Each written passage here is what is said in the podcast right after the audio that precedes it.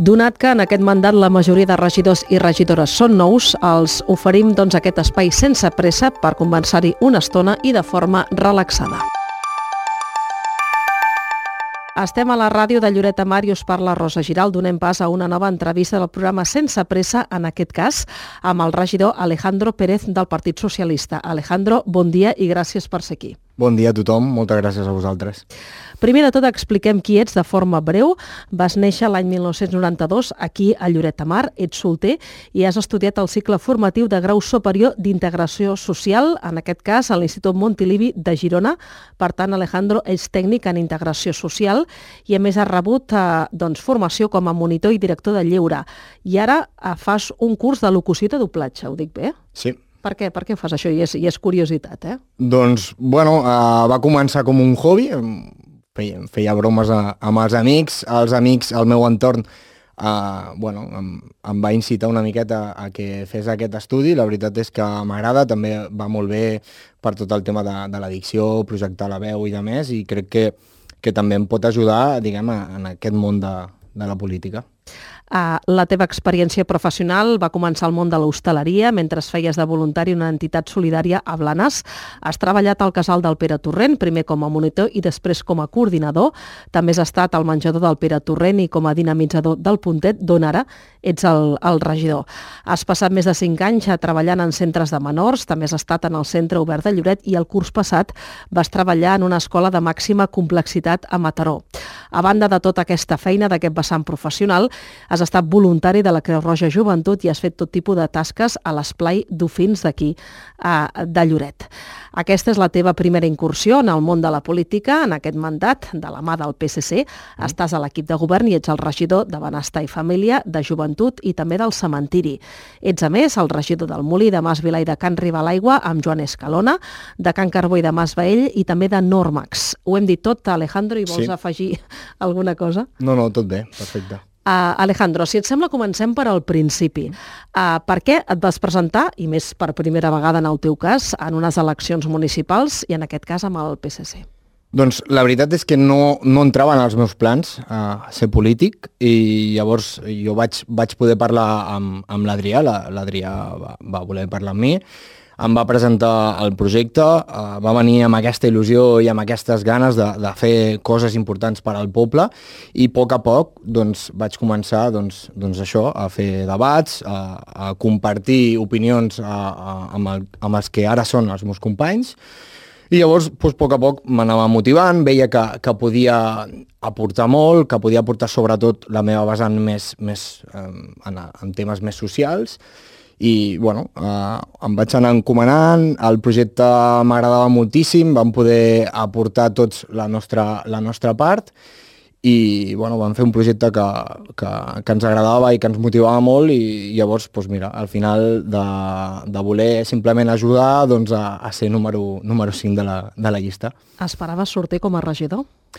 Doncs sí, sí, mm, sí que esperava com a número 5, Uh, però alhora estàvem molt focus en, en, en això, no? en, durant el, el, la campanya i la precampanya, doncs estàvem molt en focus d'intentar transmetre aquestes ganes i, i sobretot doncs, uh, aquest projecte que a nosaltres ens agradava molt i que realment confiàvem molt en ell i sabem i que, que era un projecte per, per tot el poble i per tothom, volíem traspassar, eh, diguem, aquesta idea, no? I volíem encomanar la gent del poble. Llavors estàvem molt ficats en, en aquest focus i, i realment eh, anàvem a, a per aquest objectiu, no? Que, que la gent realment veiés eh, que teníem moltes ganes de treballar, que veníem a fer coses importants per al poble i, i sobretot per, per tothom, per no deixar ningú a, de banda. Alejandro, ara que ja porteu uns quants mesos de mandat i amb, amb tot l'equip de govern, quina valoració fas del pacte del Partit Socialista de Junts i Comuns? Doncs molt positiu, des, de, des del primer moment hem trobat eh, punts d'annexa, tots, eh, totes anem a, venim aquí a treballar, venim aquí a aportar, a, a fer coses bones per al poble, ens, eh, ens entenem, eh, podem arribar a acords fàcilment i al final es tracta d'això, no? d'unir, al final el poble és molt divers i crec que ara mateix els que estem, els que estem en el govern doncs representem a, a tot el poble i representem diferents visions de, de vista, diferents punts de vista, que al final el que fa és, és que sigui molt més fàcil arribar a tothom. I quina relació s'ha establert amb la resta de regidors, és a dir, amb l'oposició? Doncs eh, molt correcta, bona, vull dir, ja estic, estic obert a, a escoltar-los, a parlar amb ells, a, a ajudar-los en el que necessitin. Al final es tracta d'aportar. Eh, realment jo no he vingut mai a posar-me medalla, simplement a fer coses per al poble i llavors em dóna igual d'on surti la idea, simplement si és bona per al poble, doncs eh, benvinguda sigui. De la feina com a regidor, què t'agrada més? Doncs jo estic acostumat, diguem, a estar a primera línia, no? a, a primera línia de, de la batalla, diguem, d'alguna manera així. I, I llavors jo he pogut veure, he treballat molt amb equip i he pogut veure molta gent doncs, que dia a dia es deixa la pell, no? que dia a dia doncs, fa tot el possible per, per ajudar la gent i al final arriba un punt en el que no pots fer res més i, i que, que llançar una corda cap a, cap a l'altra banda i esperar que algú l'agafi amb força i que segueixi aquesta feina. No? Jo ara tinc aquesta oportunitat de seguir la feina dels meus companys, de seguir la feina de les persones que estan dia a dia batallant, intentant ajudar i, i treballar diguem, per, la, per la justícia social i bueno, molt content de, de poder ser aquí i, i disposat a, a seguir diguem, amb aquesta responsabilitat. I què t'agrada menys d'aquesta feina? Doncs diré el que, el que està dient tothom, lo, lo lent, molt lent que és, que és tot, en general, no? Tu veus clarament una cosa que, que a priori és fàcil, que, bueno, un problema, solució. I bueno, es va dificultant per totes bandes i llavors has de tenir una mica més d'imaginació, has d'intentar sondejar més i al final per arribar diguem, al, al resultat que és, que és mm, solucionar aquest problema. Uh, recomanes l'experiència a la gent? És a dir, de passar quatre anys siguent regidor o regidora del teu poble? Recomano a totes aquelles persones que estiguin disposades a, a fer coses uh, per millorar el poble, uh, i aquelles persones doncs, que tinguin una certa paciència, que tinguin il·lusió, que tinguin ganes eh, d'aprendre també, perquè això és un aprenentatge constant, i aquestes persones sí que els hi recomanaria. Quin creus que és el gran projecte en aquest mandat a Lloret, Alejandro? Doncs parlem sempre de, de tres eixos, que seria manteniment, seguretat i neteja. Jo afegiria també un altre, un altre eix, que seria la justícia social, Eh, també, així com a, com a base que ens uneix totes les regidories, doncs crec que hem de treballar i treballem perquè la gent se senti orgullosa del nostre poble, de Lloret de Mar, i perquè la gent pugui dir clarament eh, soc de Lloret de Mar, amb molt d'orgull, eh, i bueno, jo crec que, que això seria, diguem, lo més important per mi. Alejandro, tu estàs a equip de govern i ets regidor de diferents àrees, entre elles benestar i família, que crec que és una de les regidores més transversals i complexes que hi ha a l'Ajuntament. En aquest mandat s'afronta una construcció important, que és la nova residència per la gent gran que va a Can Buc. Ara mateix, com està aquest eh, projecte? Doncs anem viento en popa. la veritat és que estem complint, diguem, tots els terminis. Uh, estem, estem molt contents en aquest sentit. Sabem que és una feina de, de fa molts anys, de molta, de molta gent. Els tècnics de la casa estan treballant molt, també totes les regidories. Eh, es va presentar per primera vegada el projecte bàsic, es va fer la primera presentació, ara s'ha de, de revisar i, i, i retocar el que creiem, creiem que, que faci falta i realment, bueno, eh, molt content, molt content de, de tenir aquesta responsabilitat, també em sento així, eh, amb, amb molta responsabilitat, eh, de tornar una petita part a aquelles persones que van fer tant per al nostre poble, que és la nostra arrel i que gràcies a ells doncs, bueno, van aixecar el poble de, de ser 2.000 habitants al que és actualment. I llavors ara hem d'actuar amb això, amb molta responsabilitat i, i lluitar per aconseguir la millor residència possible. Uh, ara mateix est estem parlant del projecte en si, evidentment ja en els terrenys ja està tot molt clar com ha d'anar. Uh, de quin timing estem parlant, Alejandro, en aquest 2024? Doncs tenim el, el projecte bàsic, s'ha de revisar i llavors calculem que a finals d'estiu, de, més o menys, es podrien iniciar les obres si tot va bé, perquè ara s'ha de, de fer el, el projecte executiu i llavors, bueno, doncs, eh, tot el, els terminis, eh, diguem, de, de, de fer les observacions pertinents. Uh, com qualifiques aquest equipament? Perquè, sens dubte, és d'aquests equipaments grans eh, que, que es fan a Lloret.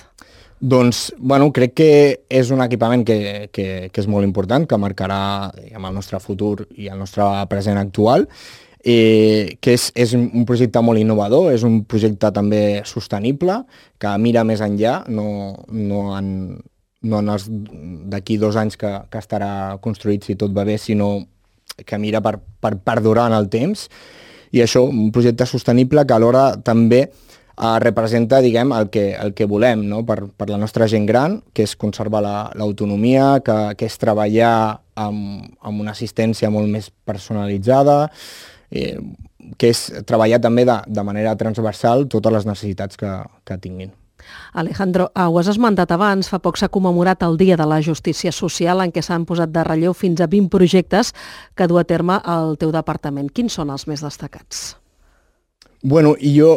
Uh, perquè aquí és, hi, ha, hi ha molta feina és complicat. i hi ha moltes, molts projectes diferents, no? De és complicat de, de destacar alguns. Uh, nosaltres eh, el que estem intentant mirar ara, que ja hi havia projectes d'aquest caire, però, però volem anar més encarats en aquesta línia, hi ha projectes que, que es basen directament en, en satisfer les necessitats que, que puguin sorgir en aquell moment. No? Si una persona, una família, doncs, no té per menjar, òbviament, ha de tenir menjar, no? ha, ha de, hem de poder satisfer, satisfer aquestes necessitats. Però alhora hem de poder treballar de manera íntegra el problema, perquè, perquè aquest no és el, el... O sigui, aquest, diguem, és un indicador de, del problema que hi ha, no? Llavors hem de poder treballar i llavors jo destaco tots a, aquells projectes que van encarats no? a, a poder anar directament a l'arrel d'aquest problema. Mhm. -huh.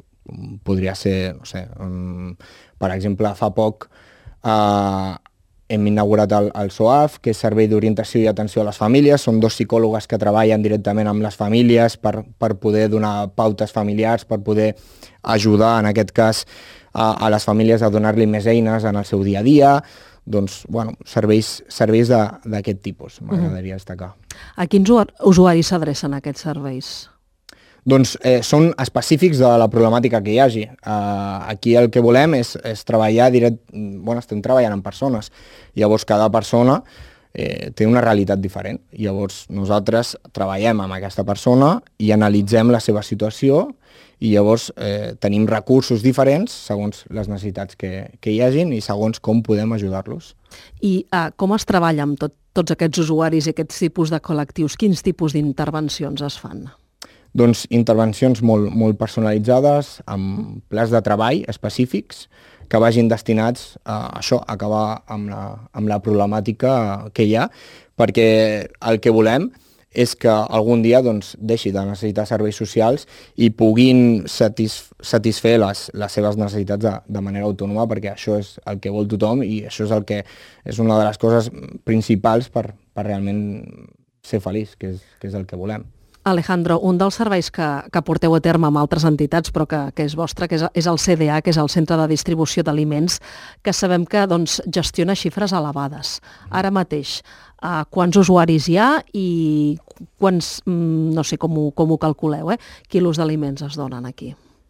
Doncs no, no, no t'ho sabria dir perquè cada, cada mes uh, arriben xifres diferents. Al final uh, intentem que, que sigui això, no?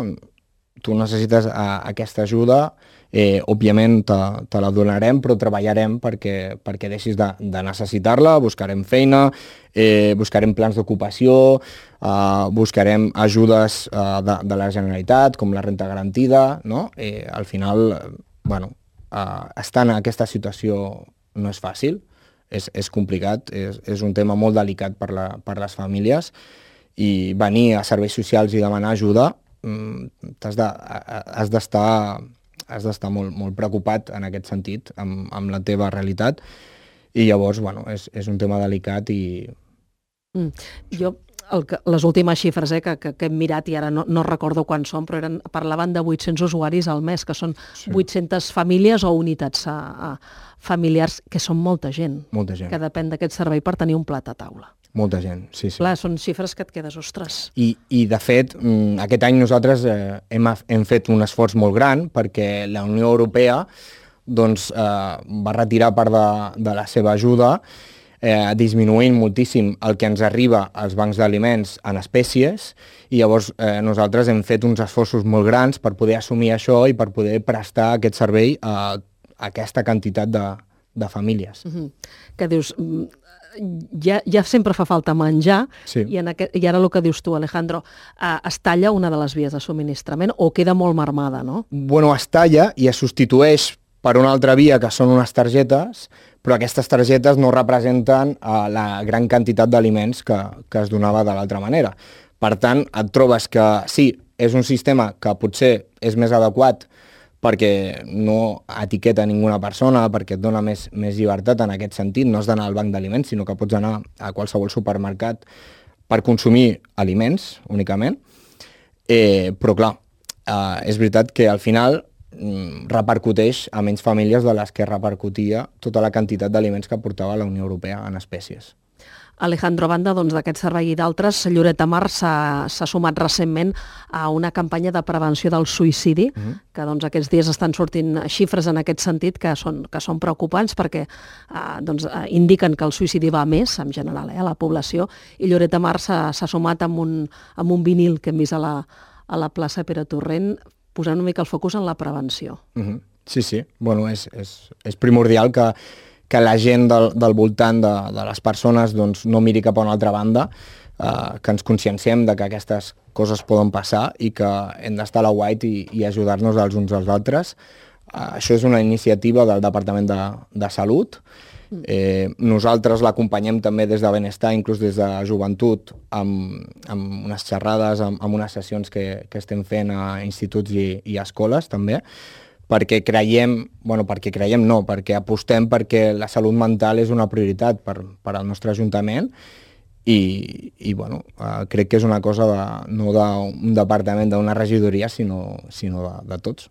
Una mica és transversal també, sí, no, en aquest cas. Sí, sí. Alejandro, també doncs, eh, recordem que Espronis ofereix aquí a Lloret un servei per ajudar doncs, a persones que tenen doncs, capacitats diverses doncs, a trobar feina. Uh mhm. -huh. no? Una, un exemple més de col·laboració entre el teu departament i entitats, en aquest cas, com, com Espronis. Eh? Correcte, és que eh, sense les entitats no podríem arribar a tot, a, tots els llocs on, on arribem.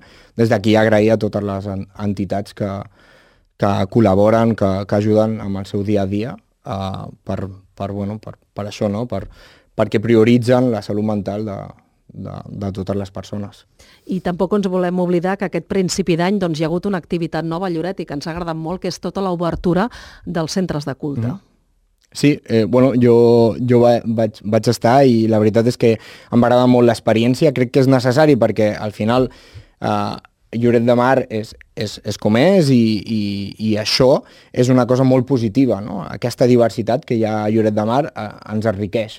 Llavors crec que l'hem d'apropar a tot el poble perquè conegui, perquè conèixer altres cultures és molt positiu per tothom Mm, l'única coseta és que bueno, el, en aquestes visites, en aquestes portes obertes, doncs, bueno, a mi m'hagués agradat que, que hagués vingut més gent. També és veritat que era pel matí, la gent treballa i de més, però, però bueno, seguirem treballant en, en aquesta línia per, per apropar totes les cultures al poble perquè coneguin i perquè, perquè així, així serà molt més fàcil aquesta cohesió social que, que necessitem.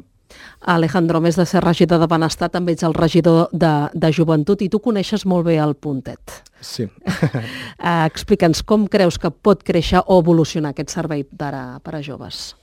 Mm, doncs, clar, el, el puntet és, és l'espai per, per a joves, ha de ser, els han de sentir casa seva, hi ha molts joves que s'ho senten casa seva, però a mi m'agradaria doncs, que arribi a, més joves. No? Uh, jo crec que la participació ciutadana en general és un repte, no? i en aquest cas la participació juvenil, no? que, que els joves se sentin amb, bueno, que, que sàpiguen doncs, que si tenen alguna idea poden venir al puntet, expressar-la i, i, i treballarem per, per fer aquesta idea realitat, sempre i quan doncs, sigui bona per al poble.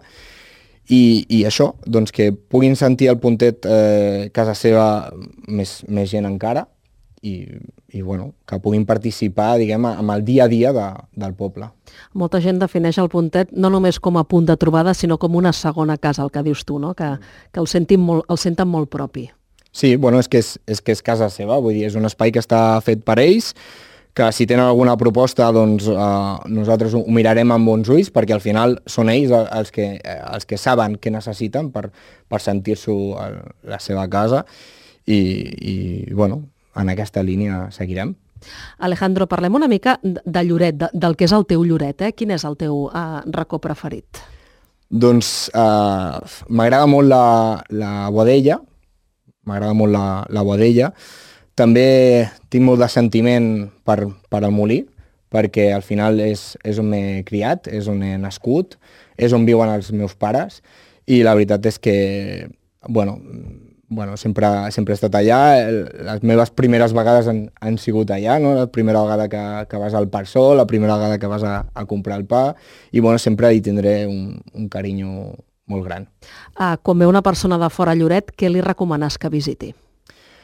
Doncs, uh, pues, et diré una cosa. Uh, normalment et diria no, el, el passeig, la Bodella, m'agrada molt, la dona marinera, tota aquella part de, dels miradors, uh, també passejaríem pel, pel carrer Sant Pere, uh, bueno, una miqueta, una miqueta això, uh, tot el camí de ronda, però però gràcies a, a, al destí, en aquest cas, que ha decidit eh, doncs, que fos regidor de, de cementiri, doncs, també el portaria al cementiri, perquè considero que és molt i molt maco i que el cementiri de Lloret de Mar t'ajuda a veure, a veure, en aquest cas, la mort amb, amb una altra perspectiva. I, i bueno, és, és interessant. Potser sona una mica estrany. No, no, no, no estic totalment d'acord amb però, més, eh? És una, el cementiri és una meravella. És, és preciós.